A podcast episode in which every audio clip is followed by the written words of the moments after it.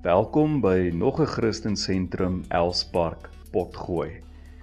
Vir meer inligting kan jy na ons webtuiste of Facebook bladsy toe gaan. Soek net vir Christen Sentrum Elspark. Baie dankie vir die saamluister en vir jou ondersteuning.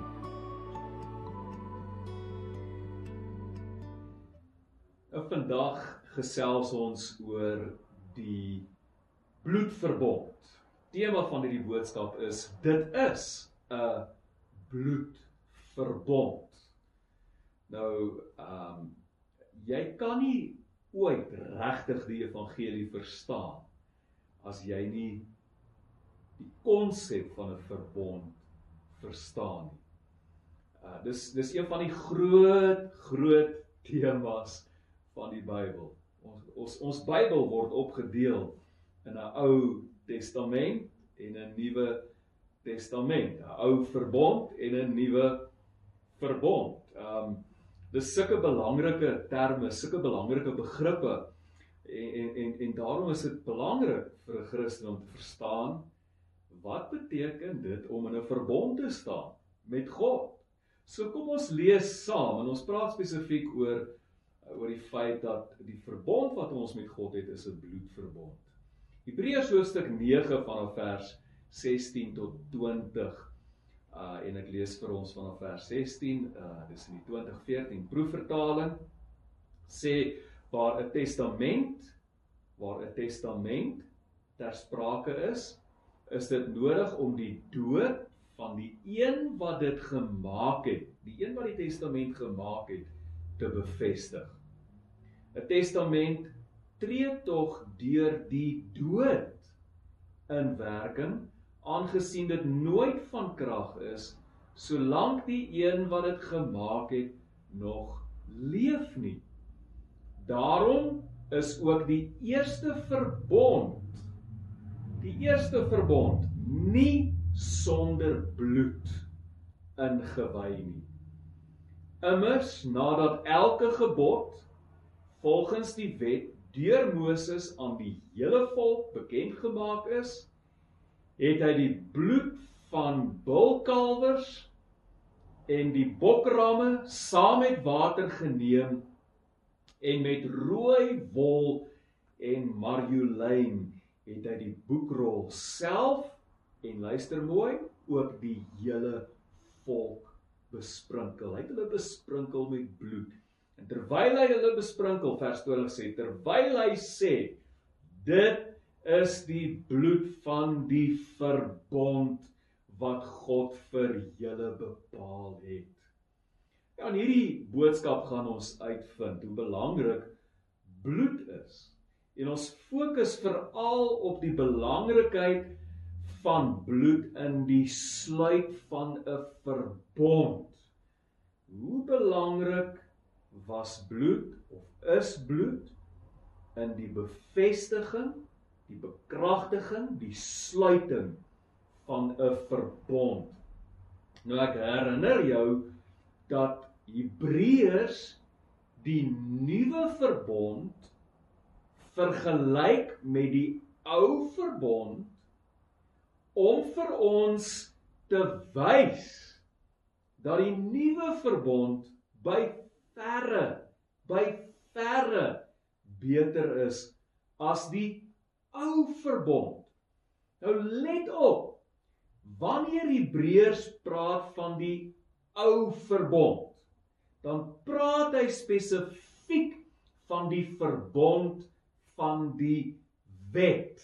As hy praat van die ou verbond, is dit wat hy in gedagte het, die verbond van die wet. Hoekom sê ek dit? Wat ons lees van ten minste nog een ander verbond in die Ou Testament. Uh, 'n verbond wat eeu voor die verbond van die wet gemaak is.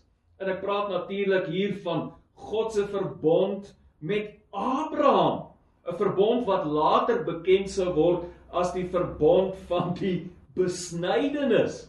So het ons al klaar die verbond van die besnydenis en die verbond van die wet. Nou as jy praat van die verbond wat God met Abraham gesluit het, gaan lees gerus Genesis 15 Daar sal jy die hele ritueel lees van hoe hierdie verbond gesluit is en jy sal verbaas wees om te sien hoeveel bloed by hierdie ritueel betrokke was. Hierdie verbond wat God met Abraham gesluit het, hierdie bloedverbond met Abraham, vind later uitdrukking in die verbond van die wet en dit word uiteindelik vervul. God se verbond met Abraham word uiteindelik vervul in die nuwe verbond. Met ander woorde, God se verbond met Abraham het deurgangs deurgangs van krag gebly. Deurgangs. Dis die agtergrond waarteen die verbond van die wet en die ver, en die nuwe verbond afspeel. Deurgangs het God se verbond met Abraham van krag gebly. So as Hebreërs praat, as Hebreërs praat van die einde van die ou verbond, dan praat hy nie van die einde van uh die verbond met Abraham of die die verbond van die besnydenis nie. Hy praat van die einde van die verbond van die wet. OK? As Hebreërs praat van die einde van die ou verbond, praat hy van die einde van die verbond met die uh van die wet. OK, so kom ons praat net so bietjie oor die verbond van die wet. Ek herinner jou net weer, 'n verbond is 'n sterk verbintenis tussen twee partye. Dis soos 'n huwelik. Trouwens, as jy getroud is, as jy 'n man of 'n vrou het, dan staan jy in 'n verbond. Dis wat die huwelik is. Dis niks anders nie as 'n verbond. Jy staan in 'n verbond met jou man, 'n verbond met jou vrou, ook 'n bloedverbond maar sal nie daarop ingaan vandag nie. Uh nou jy kan jy kan van die verbond van die wet kan jy praat as die as die as die troue uh God se troue, die verbond van die wet, God se troue met die volk Israel waar hy as ware menslik gesproke metafories in 'n huwelik tree met met die volk Israel. En hierdie huwelikseremonie het plaasgevind waar? By berg Sinaï by berg Sinaï jy onthou Moses en die volk wat by berg Sinaï aangekom het? En dan het Moses opgegaan na die berg toe en dan weer afgekom van die berg af en met die volk gepraat. Soort van tussen tussenganger was tussen God en die volk so Dis waar die huwelikseremonie plaasgevind het. Dis hier waar God die vraag gevra het en Israel ja gesê, I do. Dis hier waar God die huweliksvoorwaardes gegee het in die vorm van die 10 gebooie. Maar saam met die 10 gebooie was daar ook honderde regulasies. Ek, ek dink ons praat van iets soos 610 of 613 wette of reg regulasies wat voorsiening gemaak het vir die bemiddeling, die strukturering en die bemiddeling van God se verhouding met Israel, met sy vrou Israel. Weerens ons praat menslik gesproke en metafories van Israel as God se vrou. Nou Moses moes dit alles behalwe vir die 10 gebooie wat op kliptafels geskryf was, moes hy al hierdie regulasies neerskryf. Hy moes dit opskryf in 'n boekrol. En hierdie regulasies het voorsiening gemaak vir 'n tabernakel, 'n priesterdom, 'n hoëpriester, offers, rituele reëls vir vir Israel se verhouding met God, reëls vir die Israeliete se verhoudinge met mekaar. En dit alles saam het bekend gestaan as die wet van Moses, die wet van Moses en daarom noem ons dit die verbond van die wet. So menslik gesproke was hierdie wet of die wet van Moses die huweliksvoorwaardes vir die verbond tussen God en Israel. En nadat Moses alles opgeskryf het in sy in daardie boekrol en albei partye ja gesê het, God het ja gesê, Israel het ja gesê, na dit gedoen is, is hierdie verbond bekragtig. amper soos wanneer 'n huweliksbevestiger sê ek verklaar julle nou man. Ek verklaar julle nou regtens man en vrou. You may kiss the bride. Maar hoe het hulle die verbond bekragtig? Ons weet hoe word 'n huwelik bekragtig. Julle word julle word man en vrou verklaar alraai maar hoe het hulle het hulle die verbond bekragtig? En die antwoord is met bloed. Met bloed.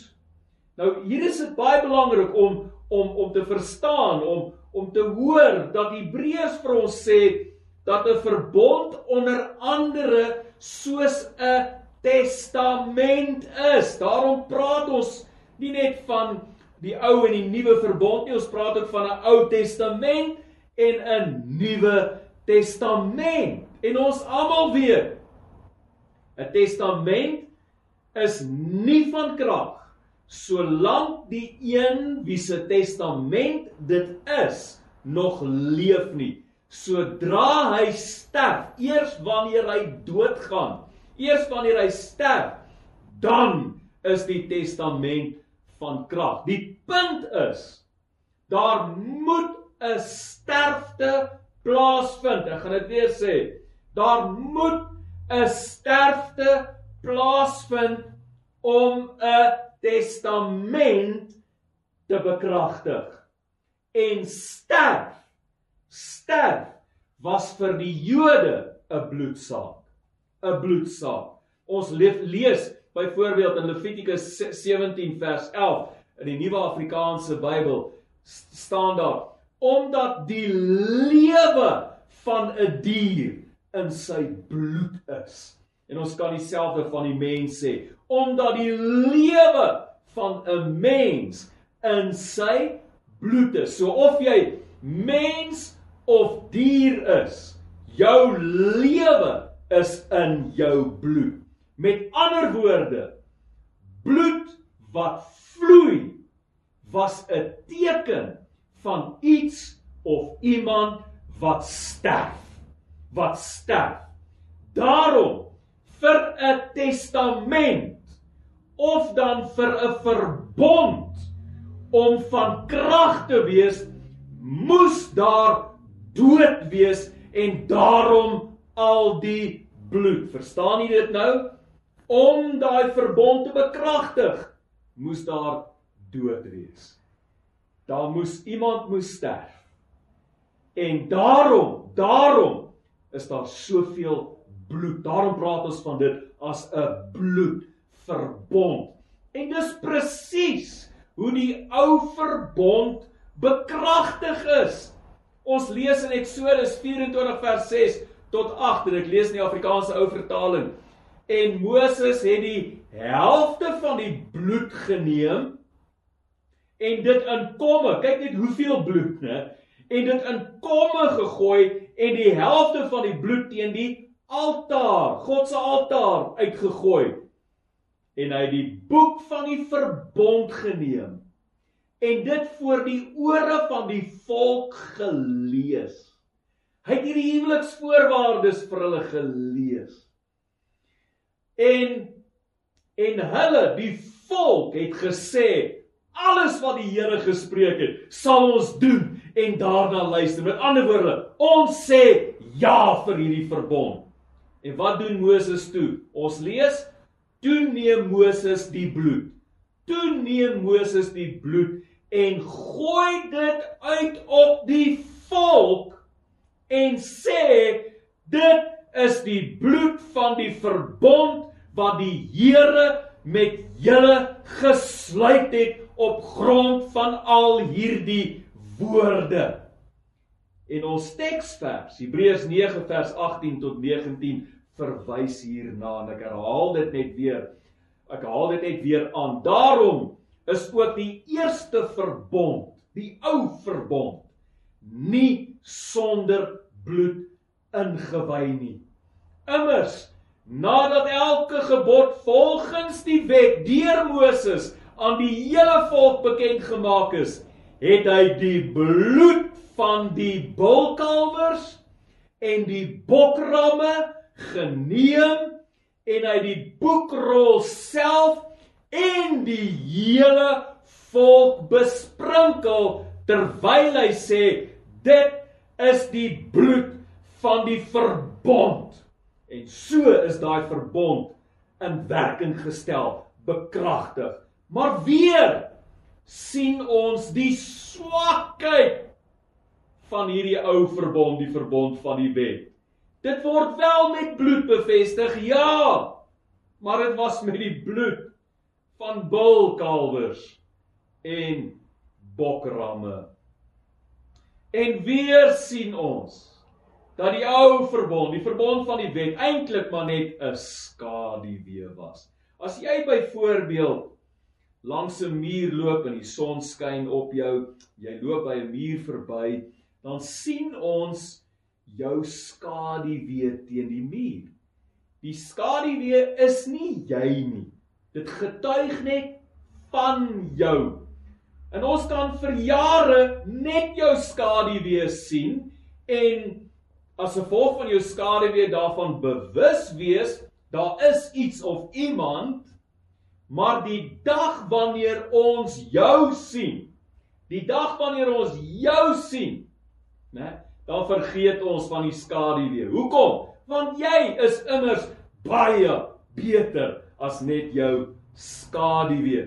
Die verbond van die wet was net 'n skaduwee van die nuwe verbond. Die nuwe verbond is baie beter as die skaduwee waarvan ons nou kan vergeet die wet van Moses of die verbond van die wet of die ou verbond.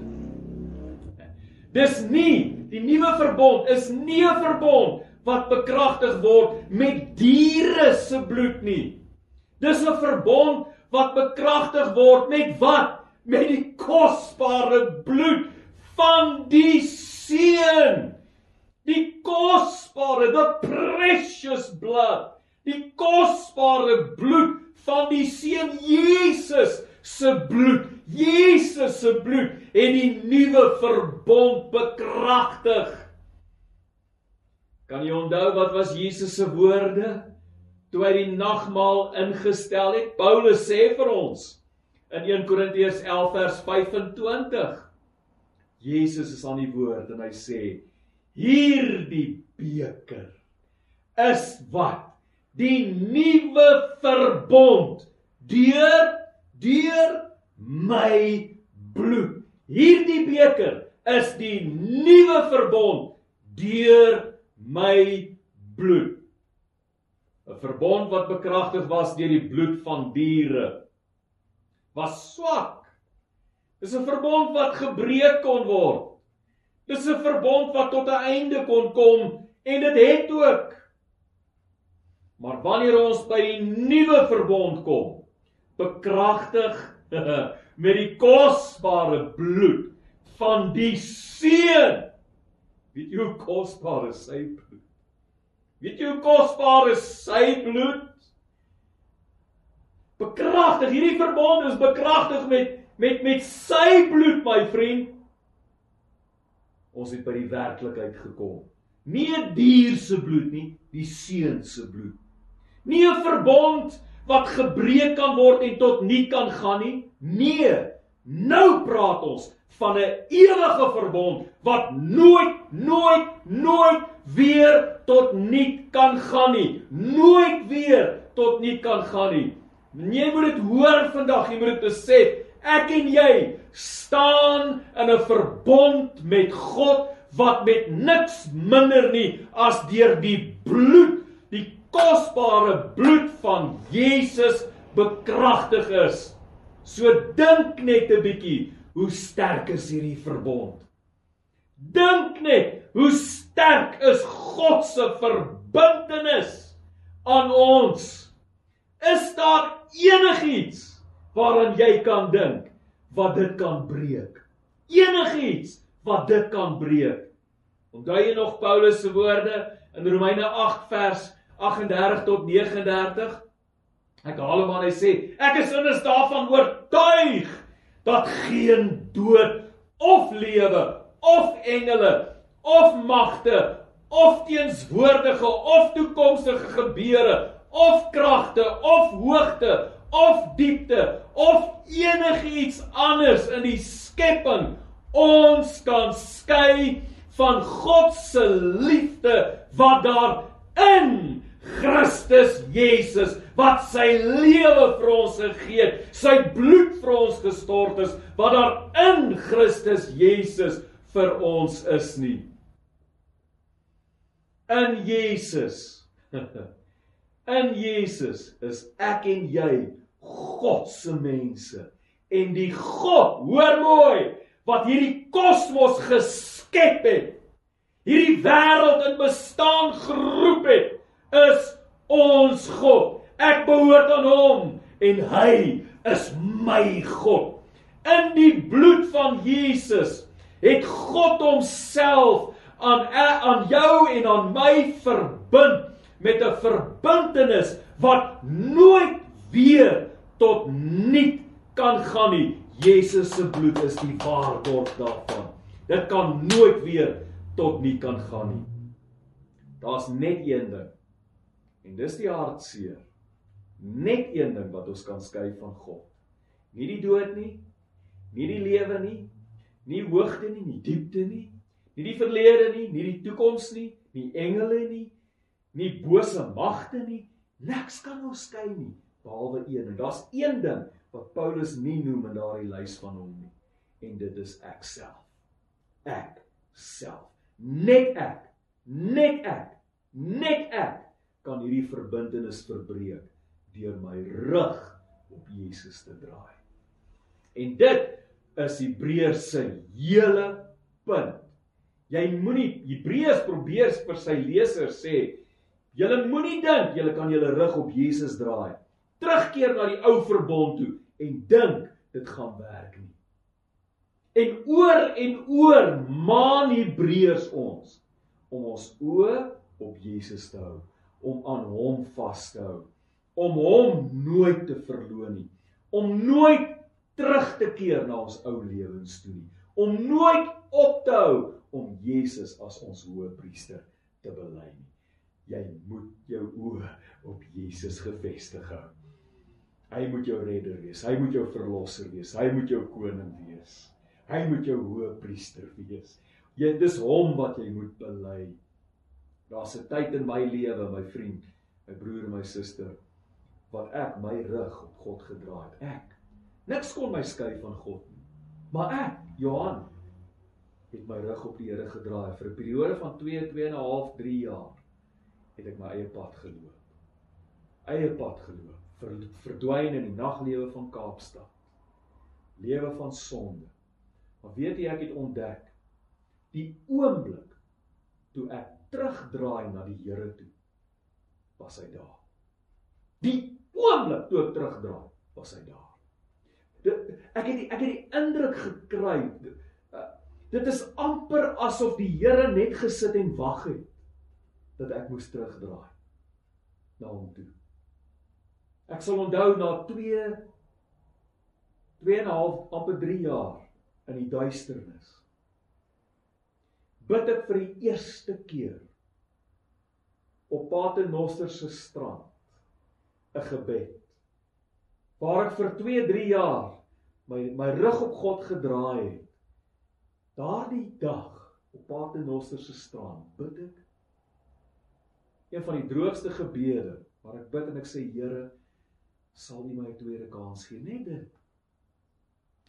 Weet u van daai gebed af binne 'n week skakel die visiepresident van die AGS Dr. Japie Lapoort aan my. En ek ontmoet hom in die waterfront vir 'n afspraak. Ek het nog van Paternoster af deurgery na na die waterfront toe in Kaapstad om met hom te ontmoet. So vinnig het dit begin gebeur en daar het die draai begin en skielik het die een na die ander ding begin gebeur en die Here begin om my te herstel, om my gereed te maak vir hierdie tweede kans wat hy my gee. Dis so asof die Here soos soos die Vader in die verhaal van die verlore seun wat die pad dop gehou het elke dag vir wanneer wanneer wanneer gaan my verlore seun na my toe terugkeer ek wil vir jou baie duidelik sê met my wegdraai van die Here af het my verhouding met die Here nie tot niet gemaak nie dit het nie tot niet gegaan nie want die verbond het dit in plek gehou in plek gehou ek was steeds my vader se kind en hy was nog steeds my hemelse Vader. Snaaks genoeg die woordjie Pater Noster uh beteken ook ons se Vader. Pater Noster, ons se Vader. Uh dis waar ek hierdie gebed gebid het. So uh, uh hy was nog steeds my Vader al het ek my rug op hom gedraai. Hy het ek my eie pad geloop, nog steeds sy kind. Ek was net nie meer in sy huis waar hy hom oor my kon ontferm, vir my kon voorsien, my kon beskerm en my kon versorg nie. Ek was ver van my vader se huis af en my lewe was vinnig besig om ten gronde te gaan. Dit sou in die dood geëindig het. Ek moes uit die varkhok uit opstaan en ek moes terugkeer na my vader se huis waar hy vir my gewag het. Wanneer kom my seun terug? Mense, dis die nuwe verbond. Dis die nuwe verbond. Dis die nuwe verbond in Jesus se bloed. En daarom bid ek Psalm 23 vers 6 saam met koning Dawid. Hy bid en hy sê: "U goedheid en liefde sal my lewe lank by my bly en ek sal tuis wees in die huis van die Here tot in lengte van dae. Nooit weer uit my vader se huis uit nie. By hom sal ek bly, tuis in sy huis tot in lengte van dae. Kan jy dit vandag saam met my bid? Kan jy dit saam met my bid? Kan jy vandag saam met my sê: Deur die bloed van Jesus is ek vir ewig aan God verbind. Ek behoort aan hom en hy is my God. Sê dit net saam met my. Deur die bloed van Jesus is ek vir ewig aan God verbind.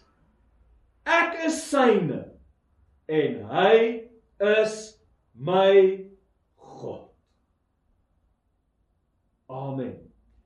Dink jy dit kan 'n verskil maak in hierdie moeilike tyd? Tyd van COVID-19, tyd van ekonomie, van 'n ekonomie wat uitmekaar uitval. Dink jy dit kan 'n verskil maak? Hy vriend. Dis die God wat Israel in die woestyn kon onderhou toe daar niks was nie. vir hulle lewe kon gee. Dis jou God, dis my God. Halleluja.